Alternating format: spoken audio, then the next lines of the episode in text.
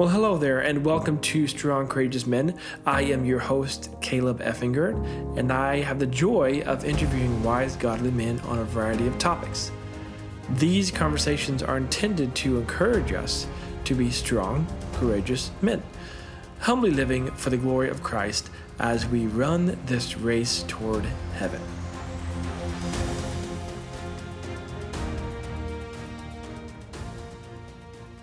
Well, welcome. Today I want to welcome Dr. Jerry Wragg. And today is actually special because Pastor Jerry is my and my family's pastor. So it's it's a treat to to interview him today.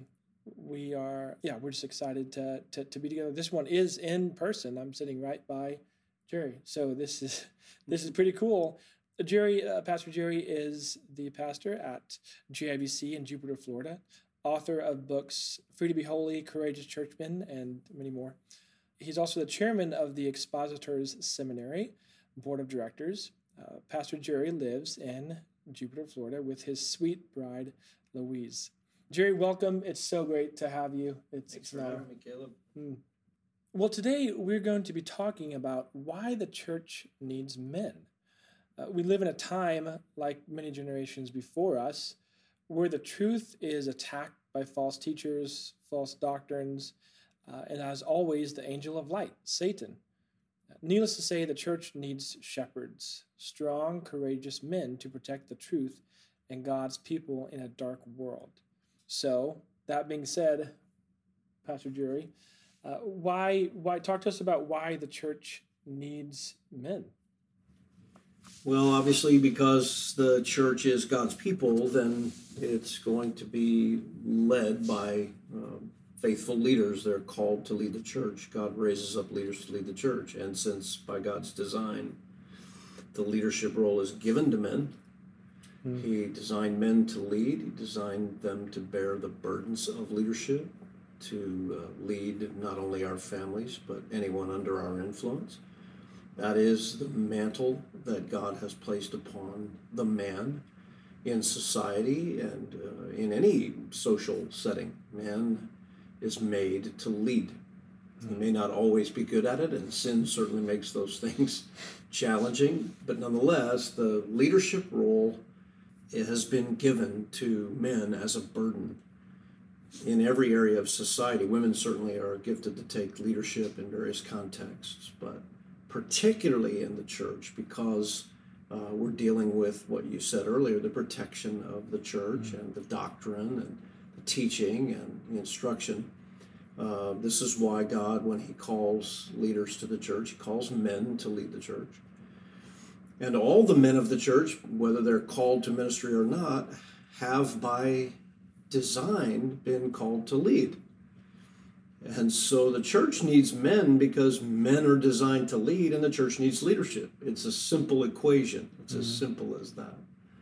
As far as what threatens the church, God designed men to come to the battle. God designed men to rise to the occasion and, and protect those with a shield behind them, you know, to stand in the gap and mm-hmm. face off with the enemy and to be a, a men of conviction so that those who are with them follow them based upon those convictions.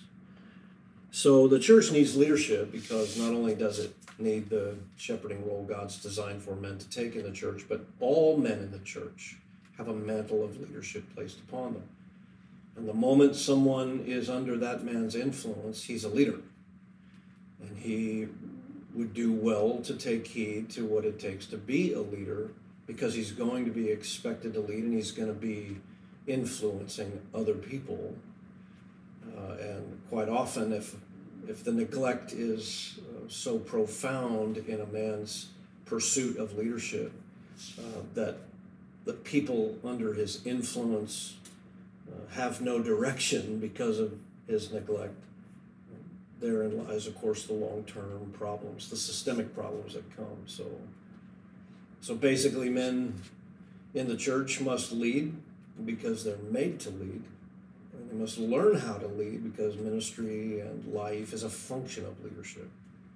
God gave the mantle to men, so the church needs leadership for all those wonderful aspects of leadership and influence that God designed a man to carry. So. Yeah, it's really good. Um, two two words that that kind of popped out to me: conviction and influence. It seems like our generation, and I can speak to our generation because I'm in our generation. It seems like we we a lot of us have a a lack of conviction, and I, I think I've said this before on the podcast, but um, we have a lack of conviction, or our conviction is not ours; it's somebody else's that we've kind of mm-hmm. latched onto.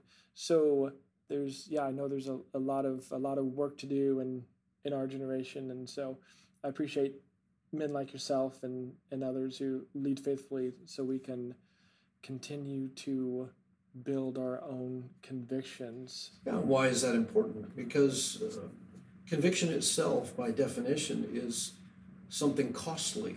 Conviction is a belief for which you would pay a cost, hmm. the ultimate cost.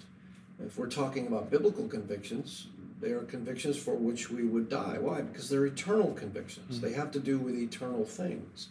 Uh, they transcend and rise above uh, what's around us in society and in the temporal life we live. Mm. And so a conviction itself is a, a set of principles rooted and grounded in an individual for which he would pay the highest cost mm. to hmm. hold on to them. Mm. So you can see why conviction is hmm. important for men because, uh, as you said, in a generation like ours, uh, they have certain convictions. In other words, they have principles by which they live and they have a worldview. But when that worldview shifts, it's largely because either those convictions have no principled basis that they've articulated, so it's confusion, it's confusion, or they shift in those convictions because they don't want to pay the ultimate cost hmm. that their original conviction was driving them hmm. towards. So your generation's difficulty, and it was hmm. true in my generation too, but your generation's particular difficulty is, as you said, they try to grab onto someone else's conviction so they're not their own. So when the cost gets too heavy, they're going to abandon hmm. it, hmm. much like Jesus mentions in John 10 about the the false shepherds who are hirelings. And when the wolves are in sight and the wolves are coming after the sheep, he runs because he's not interested in the sheep, he's interested in his own safety. A man will abandon his hmm. convictions pretty quick if the cost is going to get too high. Hmm. And if they're not his convictions but somebody else's, the cost is going to be too hmm. high eventually. Uh, no one dies for convictions that they don't really hold to at any cost. Um, and then, of course, if they're not very well articulated, somebody might hold to something, but they can't really root it in a principle hmm. for which they would be immovable. So, therefore, they shift. And your generation is notorious for both, as you said. Yeah. Yeah. And, and the second word you, you mentioned, influence, I, I think, again, sometimes we forget that we do have influence. Even if it's just one person or multiple, it would do us well to understand that we do carry some influence. And so we better get after it, as you say, and and and make sure we are, you know, setting the the, the bar, as it were, for the the generation behind us. Yeah, I, I absolutely agree. And I, I would say pushing the matter of influence where God pushes it. Hmm. Influence literally is tied to accountability to Him. So, whether someone thinks they're having influence or not, they will answer to God one day for not only their life, but anyone that they influenced, and particularly people that became enslaved or set on a course or on a path uh, because they followed that individual. They mm. followed someone. So we're going to all be held accountable for the influence that we have, whether we think we're having influence or not. And I think the matter of accountability before God, standing at the judgment seat of Christ and answering for the gifts that He gave us and what we did with them, as Paul says in 1 Corinthians 3, uh, that energizes a young man to say, okay, wow, I, I may be single, so I don't have a wife and kids yet who are an obvious right in front of me, you know, a congregation that I would influence. But my life is an influence, my words are an influence, my uh, how I live in the culture is an influence, and I'm going to be answering for every thought, word, and deed before Christ. So, yes, you're right. You said we better get after it. Well, we better get after it, but not merely because we can see who we're influencing. That's important, mm-hmm. but because we're going to answer to God for every ounce of that influence. I, I, think of Matthew 12, 34 to 36, where it says, Out of the mouth the heart speaks, and you're going to be held accountable for every careless word. Mm. And he doesn't mean you won't be held accountable for the non careless words what he's saying is you're going to be held accountable for every word, whether you've cared about those words or not, whether you were interested in what you were saying or not. Well, there you have it. Influence comes from what we say, it comes from our mm. ideology, our worldview, our thoughts, how we live out things, how we make decisions. You might be interested to know when we were raising our kids, we told our teenagers as they came into adolescence no decision you make is in a vacuum or all alone Right. Even if today you went off into the mountains to be a hermit because you didn't want to ruin anybody's life with what you wanted to do, you're still born into our family. And when someone would ask me, Where's your child? I would say, Well, they ran off into the woods uh, to be alone. So now you've influenced somebody. You've influenced us. Your decision has mm. influenced our relationship with others. And Everything you do impacts the people that God has connected you to. Mm. So, yeah, whether you really uh, want to be an influence or you don't want to care about your influence, God has made us human beings. We relate to people, we're born into families, and we will be held accountable for any way in which our life and our choices had an impact on others. Not just kids below us, or disciples alongside of us, but pastors who shepherd us and family members above us who, who birthed us. Everything we do has a has an impact, and mm. we're going to be held accountable for it. So that drives our mm. thinking about mm. influence. Yeah, yeah. No, this is this is really encouraging, Jerry. Thanks, thanks for unpacking that, as it were. Okay, so two things here. Speaking to the married man and the single man. We'll talk about the married man first. inside the church, talk about the the role then of a married man in the context of the church. Okay. So obviously, the role of a man who's married or a man who's single uh, is going to be the same for both of them if we're talking about uh, his responsibility, the man's responsibility to God as a member of the body of Christ. So whether you're single or married, before we even talk for a moment about practical things, he is first a worshiper of God. So a married man or single man has to consider his responsibility as a worshiper in the church. It's a worshiping community. He praises God. He gathers with God's people corporately to lift praise to God, to sit under the word of God and submit to it to pray to our God and to share in the spiritual resources of, of the koinonia, the fellowship. Whether you're married or single, the moment you are in Christ, you are in union with Him and you are members one of another. Paul says, 1 Corinthians 12 uh, is very explicit, Ephesians is explicit. And so whether married or single, you the married man brings his family to that and influences them and leads them in those by example, and the single man comes to the body of Christ and he is a part of that same dynamic, even though he doesn't have behind him a wife and children that he's that he's moving in that direction. Although I would say that as a single guy who's in the church who comes to Christ, it, it would do him well to know that none of it changes ultimately. So once he's saved, he comes to the church. He sees a married man over here with kids bringing his family. The single man has to look ahead and think, well, when God gives me uh, the grace of companionship, none of this is going to change. So I, I might as well learn to be a good worshiper now and be a faithful worshiper and a fellowship uh, member and prayer warrior and man of praise sitting under God's word. I need to do those things now because when I get married, I'm going to be already ahead of the game in my example uh, as a member of the body of Christ. So, whether married or single, those things do not change and they're essential.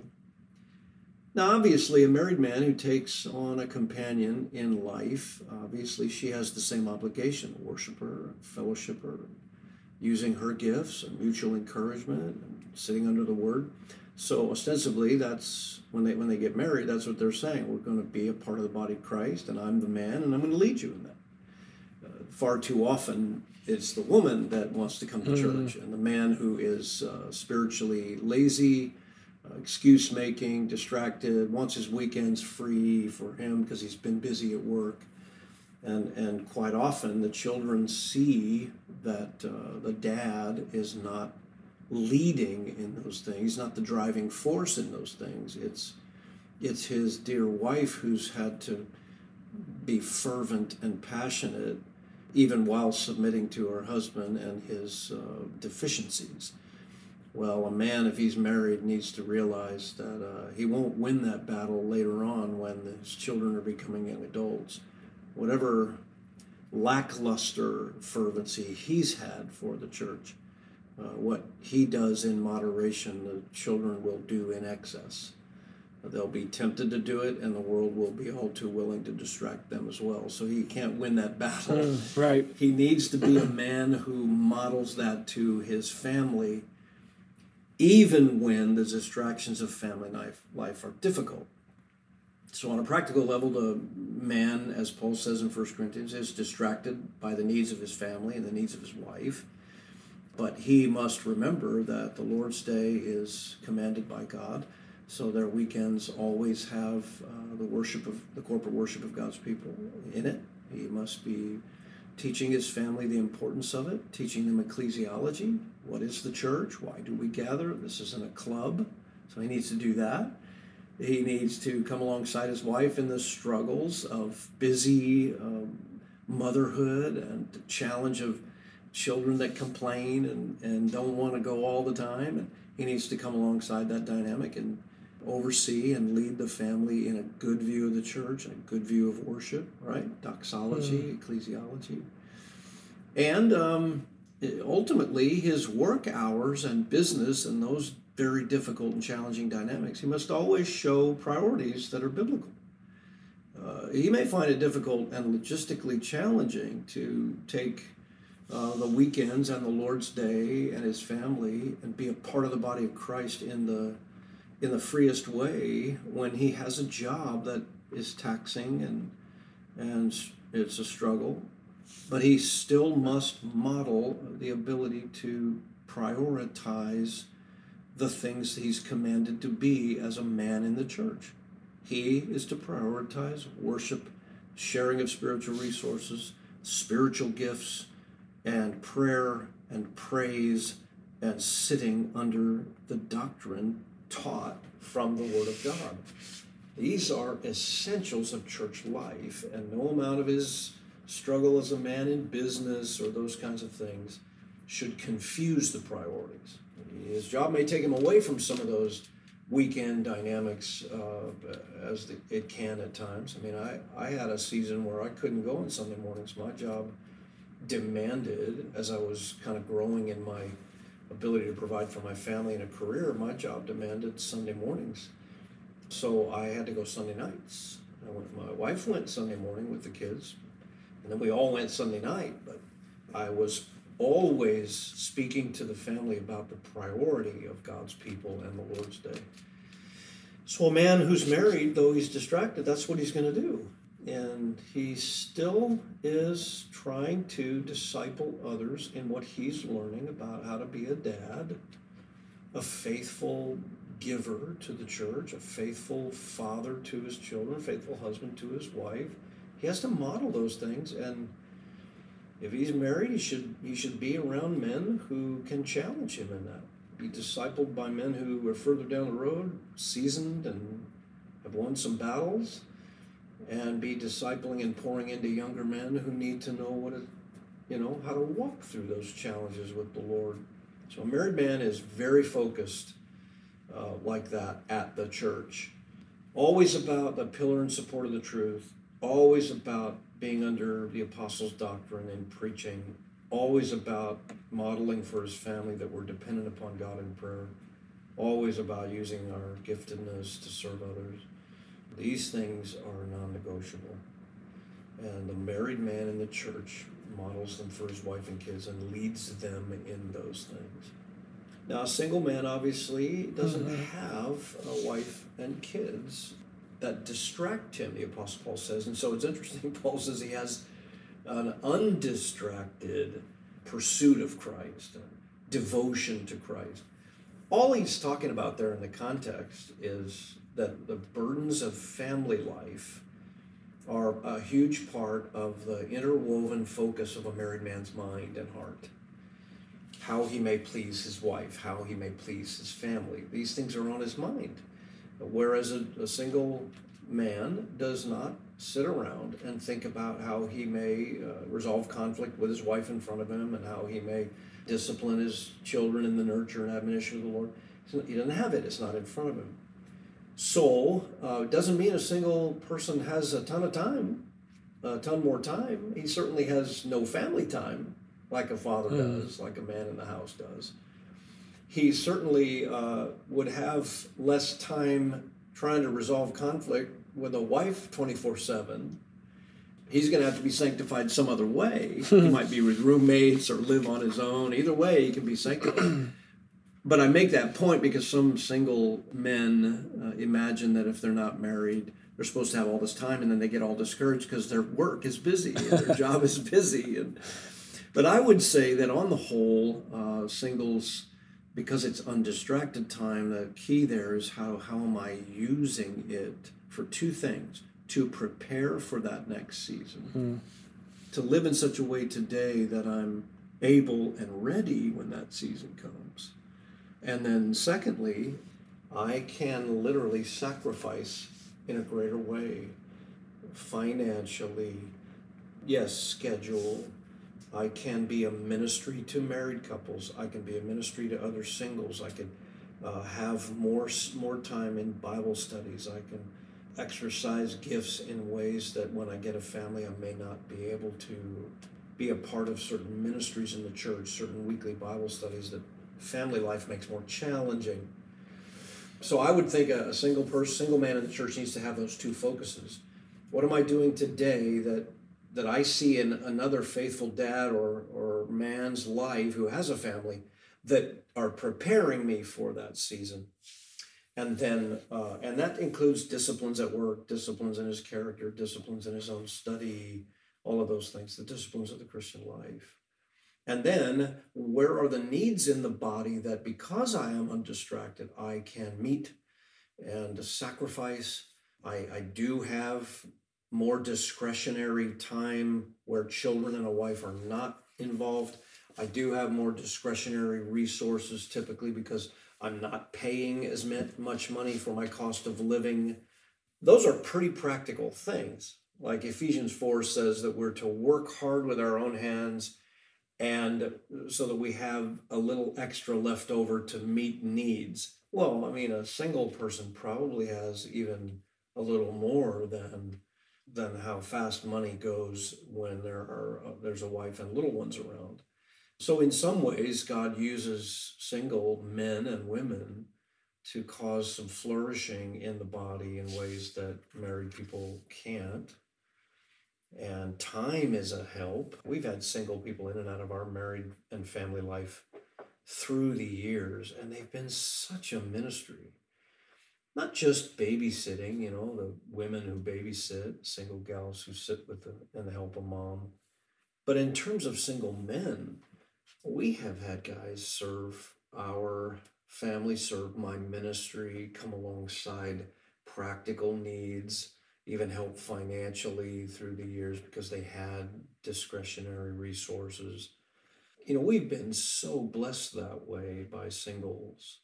But it's often the case, Caleb, as you know, that single men, because they're single and they don't have a wife that they're accountable to, and they don't have any children that sober up their responsibility, they can often slip into patterns that aren't healthy.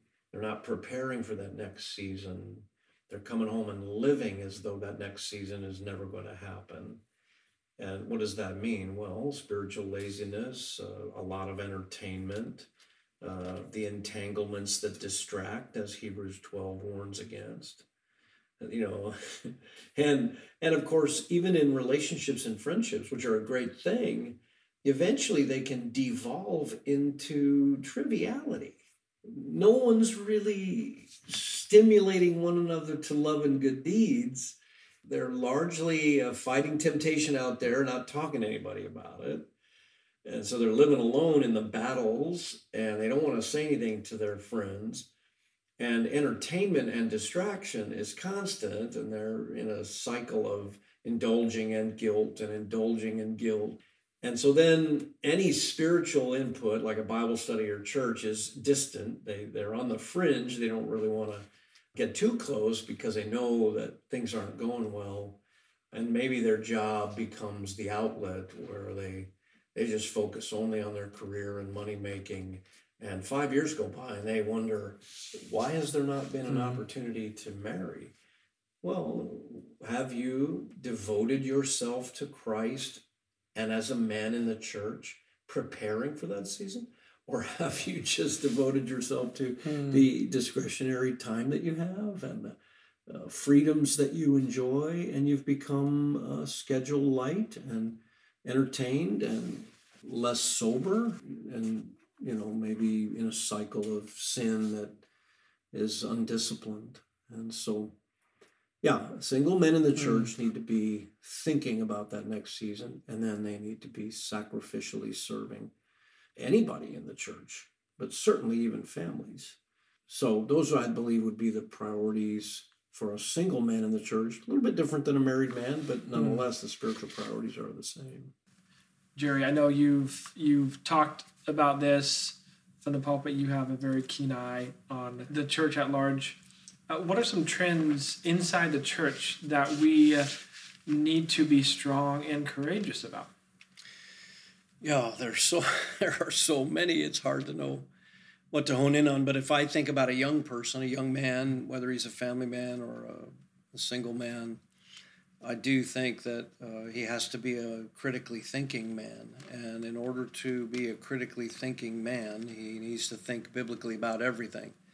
You know, Hebrews 5 warns that, you know, the writer of Hebrews was warning these professing Christians uh, some of whom were going back to old things. And he said to them in chapter 5, You are dull in your hearing, and you're wrangling about the Christianity 101 things, and you you believe that's the depth of it. No, no, no, no. You should have already been teachers by now. But instead, you've become immature and repeating things not because repeating the truth isn't important, but that's you believe that's the depth of it, just gospel generalities. And he said, You ought to be going on to the deeper things. You practice the deeper things and you are able to discern good from evil, he says. One of the trends I see in the upcoming generations of men is they they do not use scripture as the authoritative grid for what we know and what we believe. You know, Paul said to Timothy, I know whom I have believed and am persuaded that my God is able to keep that which I've committed to him until that day. I am persuaded. I know whom I have believed. I mean, I love that. I'm convinced. I'm persuaded. I know. These are words that he uses.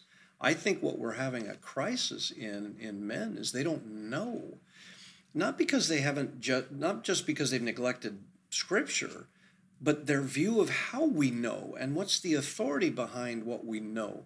They're susceptible today the trend is truth results from how I feel about it. Truth resides inside of me. Truth is is how knowledge hits me and how I feel about it. I come up with truth on my own and no no no this is disastrous. God God is truth. What he writes is truth. All knowledge is with God and comes to man objectively from God. He tells us what truth is. He tells us how we know anything. He tells us reality. So, to use a big theological word, epistemology, the mm. study of how we know things, men today are in an epistemological crisis. What is the authority of what you know? When you say you know something and you're persuaded, what is your authority? I think we obviously need to ground men back at the foundation. Where does all knowledge come from? How can we be certain? And so let's defend the faith there. Let's ground ourselves as men there. Why? That's the authority. There's no other authority for anything that we that we can't make sense of anything in the universe if we don't have a baseline authority that that is pre-believed. It is presupposed, right? Mm. If you don't have God as your authority, then what is your authority? You? Culture? Consensus? Some friends? A multiplicity of ideas that seem to fit your lifestyle? Feelings? It's got to be a human authority or an earthly authority right. if it's not God. So there's the first crisis I see among young men. If I ask them, why do you believe what you believe? Well, you know, you might get some earthly explanation, or somebody taught me this, or I had a professor that taught me this.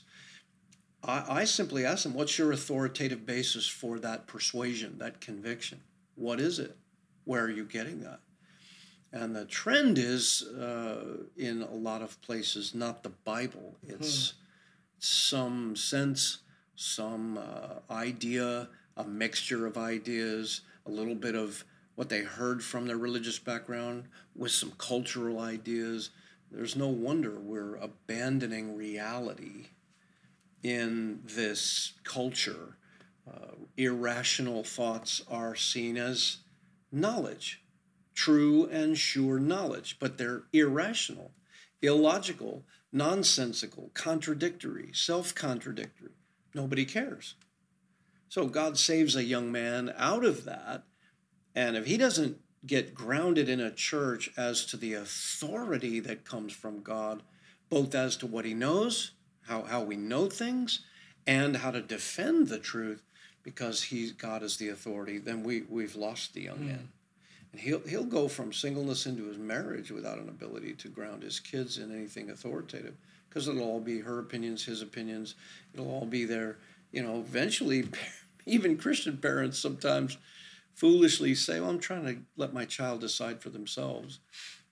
That's disastrous. Decide for themselves what? Knowledge? Knowledge is given to us from God.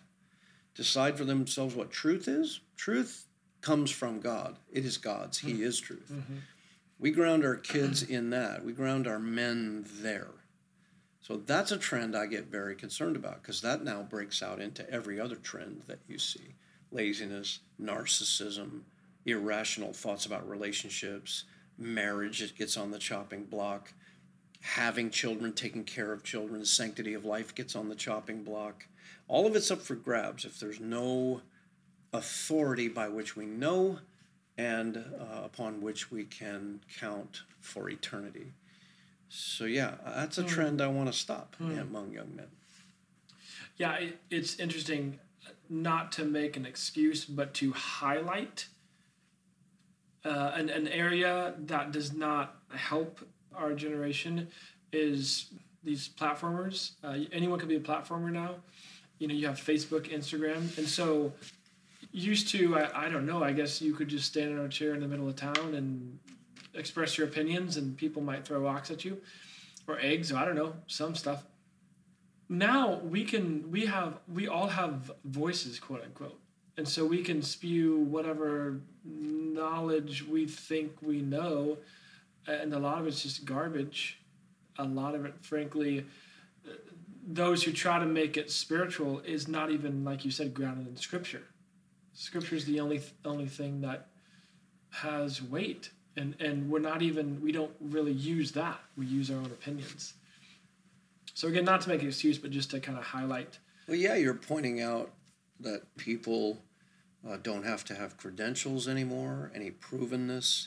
They don't have to back up what they say with a life or even an idea that makes sense. In fact, it's even worse than that, Caleb, because for centuries, the intellectuals they used to call them, everyone from Karl Marx to to Rene Descartes, these philosophers, mm. these great names in human history that have come up with intellectual ideas, they started their experiments and the destructiveness in the wake of their ideas, no one ever holds them responsible for mm. it. So the reason you have someone that stands up on a street corner and says what they say and is disputed in a debate, but the young person doesn't care if it's actually a logical dispute, a good argument. They don't care. Right. There's no debate teams at universities anymore. Uh, they, they might debate using classic techniques, but there's no actual in the public square debate over an idea because my feelings, my thoughts are authoritative. And if you can show them to be illogical, so it, it, right, they're mine.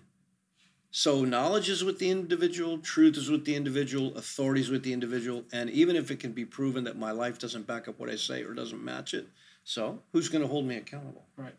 So when you lose the authority of knowledge, the authority of truth, you lose the authority of, of, of an argument, and you don't have a life to back up what you say, and it's proven to be contradictory, but you don't have any accountability, it's over.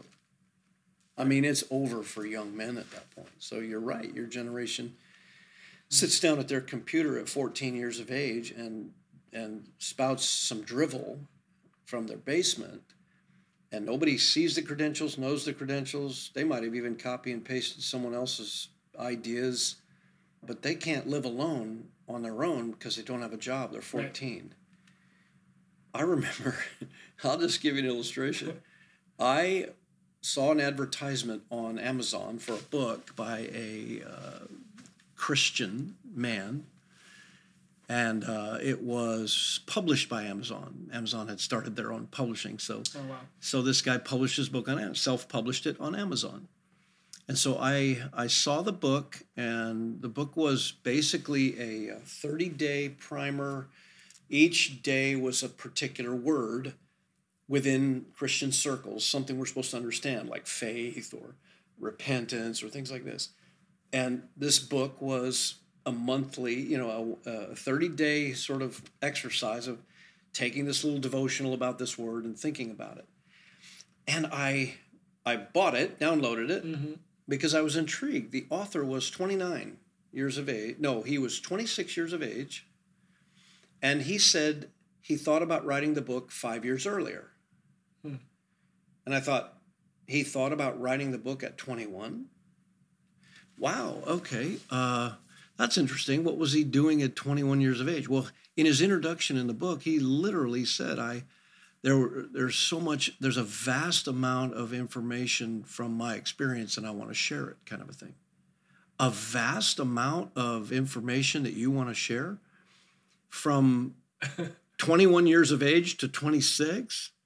Well, I read a couple of these little one and a half, two page chapters on these words.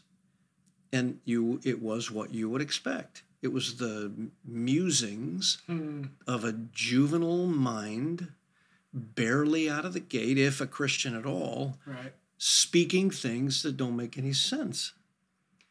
It reminded me, just one more little anecdote that might help your listening audience years ago, my wife was speaking with a Christian wife who had uh, five children, nine down to, you know, next to nothing.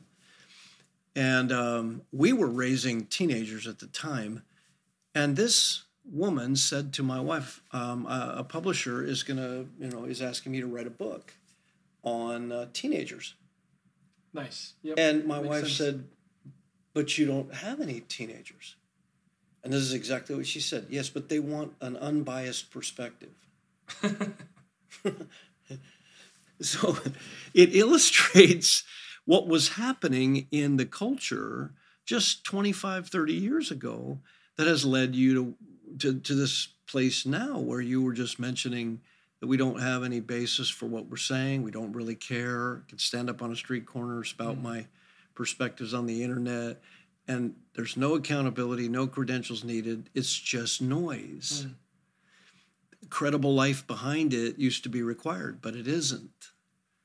And we're a bit hypocritical as a society mm. because you still require some credentials right. to be able to do things, some things. Like if you don't have engineering school and good grades and an engineering degree, it's likely you're not going to be able to draw the design for that building and make sure that it stands and right. holds people in it.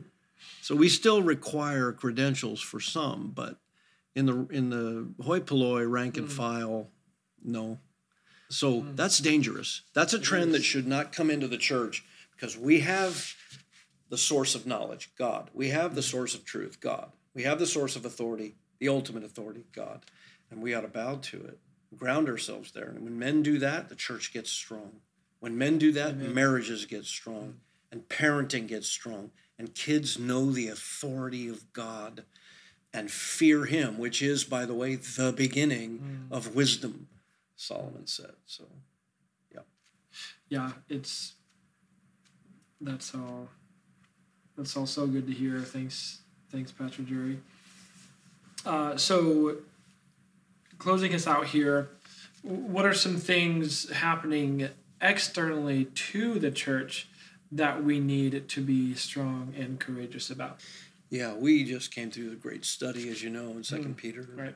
or First Peter, which is really all about how to uh, defend the faith with our life and our words in the culture that's persecuting the, hostilities rising. So, all through that first letter, Peter is saying over and over again who we are. We are a royal priesthood, a people for God's own possession. And though we've not seen Christ, we love him. And out of that fervent love for Christ, there's a fervent love for each other. And then there is a hunger and thirst for the Word of God, 1 Peter 2. What does that mean? That means humility in all your human relationships. So, you husbands, you are to live with your wife humbly in an understanding way. You wives, you're to submit to your. This is what the culture ought to see. When they come at us, this is what they ought to see. Man, that woman submits to a leader that's flawed and she hopes in God. And husbands are those husbands who are Christians are understanding how to shepherd their wife and they're being sacrificial. And those employees and employers are working together in and you have some employers who are faithful to their people and you have pagan employers that that are unreasonable and twisted with their people. But the Christians, they it finds favor with God that they endure those things with patience. Our greatest defense of the hope within us, given with gentleness and reverence, is a holy life this is what Peter says we ought to be about. The world cannot deal with a holy people. When, when the whole trend of the, you know, when the church growth movement was dying and all these new, young, reformed, restless guys were coming up the ranks, and we believe in justification by faith, and we got all this great reformed doctrine. I love the resurgence of it, but it didn't result in a robust doctrine of sanctification. And if that happens, it's irrelevant what you say about your justification. Mm. The greatest defense of our faith is a holy life. So the trends coming against the church are persecution, and the response of God's people is the same. We are a people for his own possession. We hunger for the word. We we live a holy life. We work it out in our practical relationships. And to defend the faith, we, with gentleness and reverence, give a, an answer for the hope that's within us with our life backing it up. Mm. And uh, we do that all the way to the wall. We don't return evil for evil. First Peter 3 no one can harm us if we prove zealous for good deeds. That's who we are. And the end is near. So get about the business of serving one another faithfully and speak if you have speaking gifts, serve if you have serving gifts, and, and watch the Lord work from the church leadership, chapter 5, all the way down. That's what we are to respond to. The men have to lead that, Caleb. Mm. The men of the church have to lead that. The women can't lead that. The women being godly, even in the midst of men who aren't doing what they do, God uses that mightily. Even an unbelieving husband can be won without a word. But a church full of men that are living a holy life like that, the women flourish, the children, the next generations mm. learn how to fear God, mm. and they may watch their dads go to jail. They may watch the men of the church get persecuted all the way behind bars or even killed. And in the greatest seasons of the church, when the blood of the martyrs was spilt, it was because God, God's men, holy men, angered the pagan culture around them by a holy life. And that next generation, their kids were, they were strong and courageous. I mean, you think of the impact it had on Christopher Love's children for right. their for their mother to hold their hand and walk them to the guillotine to mm-hmm. show mm-hmm. them that their dad stood for Christ till the very end. Those kids would mm-hmm. never be the same. We need men like that. Yeah. Amen. Yeah. Well, this has been really encouraging to my heart, Jerry, and I, I know it will be to those listening to this, everything we've talked about, this life of manhood in the church will require a lot of prayer out of Indeed. out of, out of us and and praise God for the church. We don't have to be alone. As iron sharpens iron, so women sharpens another. Yeah. What a gift it is to be a part of the church. Amazing. Well, Pastor Jerry, thank you so much for your time and leadership. I know I can speak on behalf of my family and our church when I say we are very grateful for you and your family.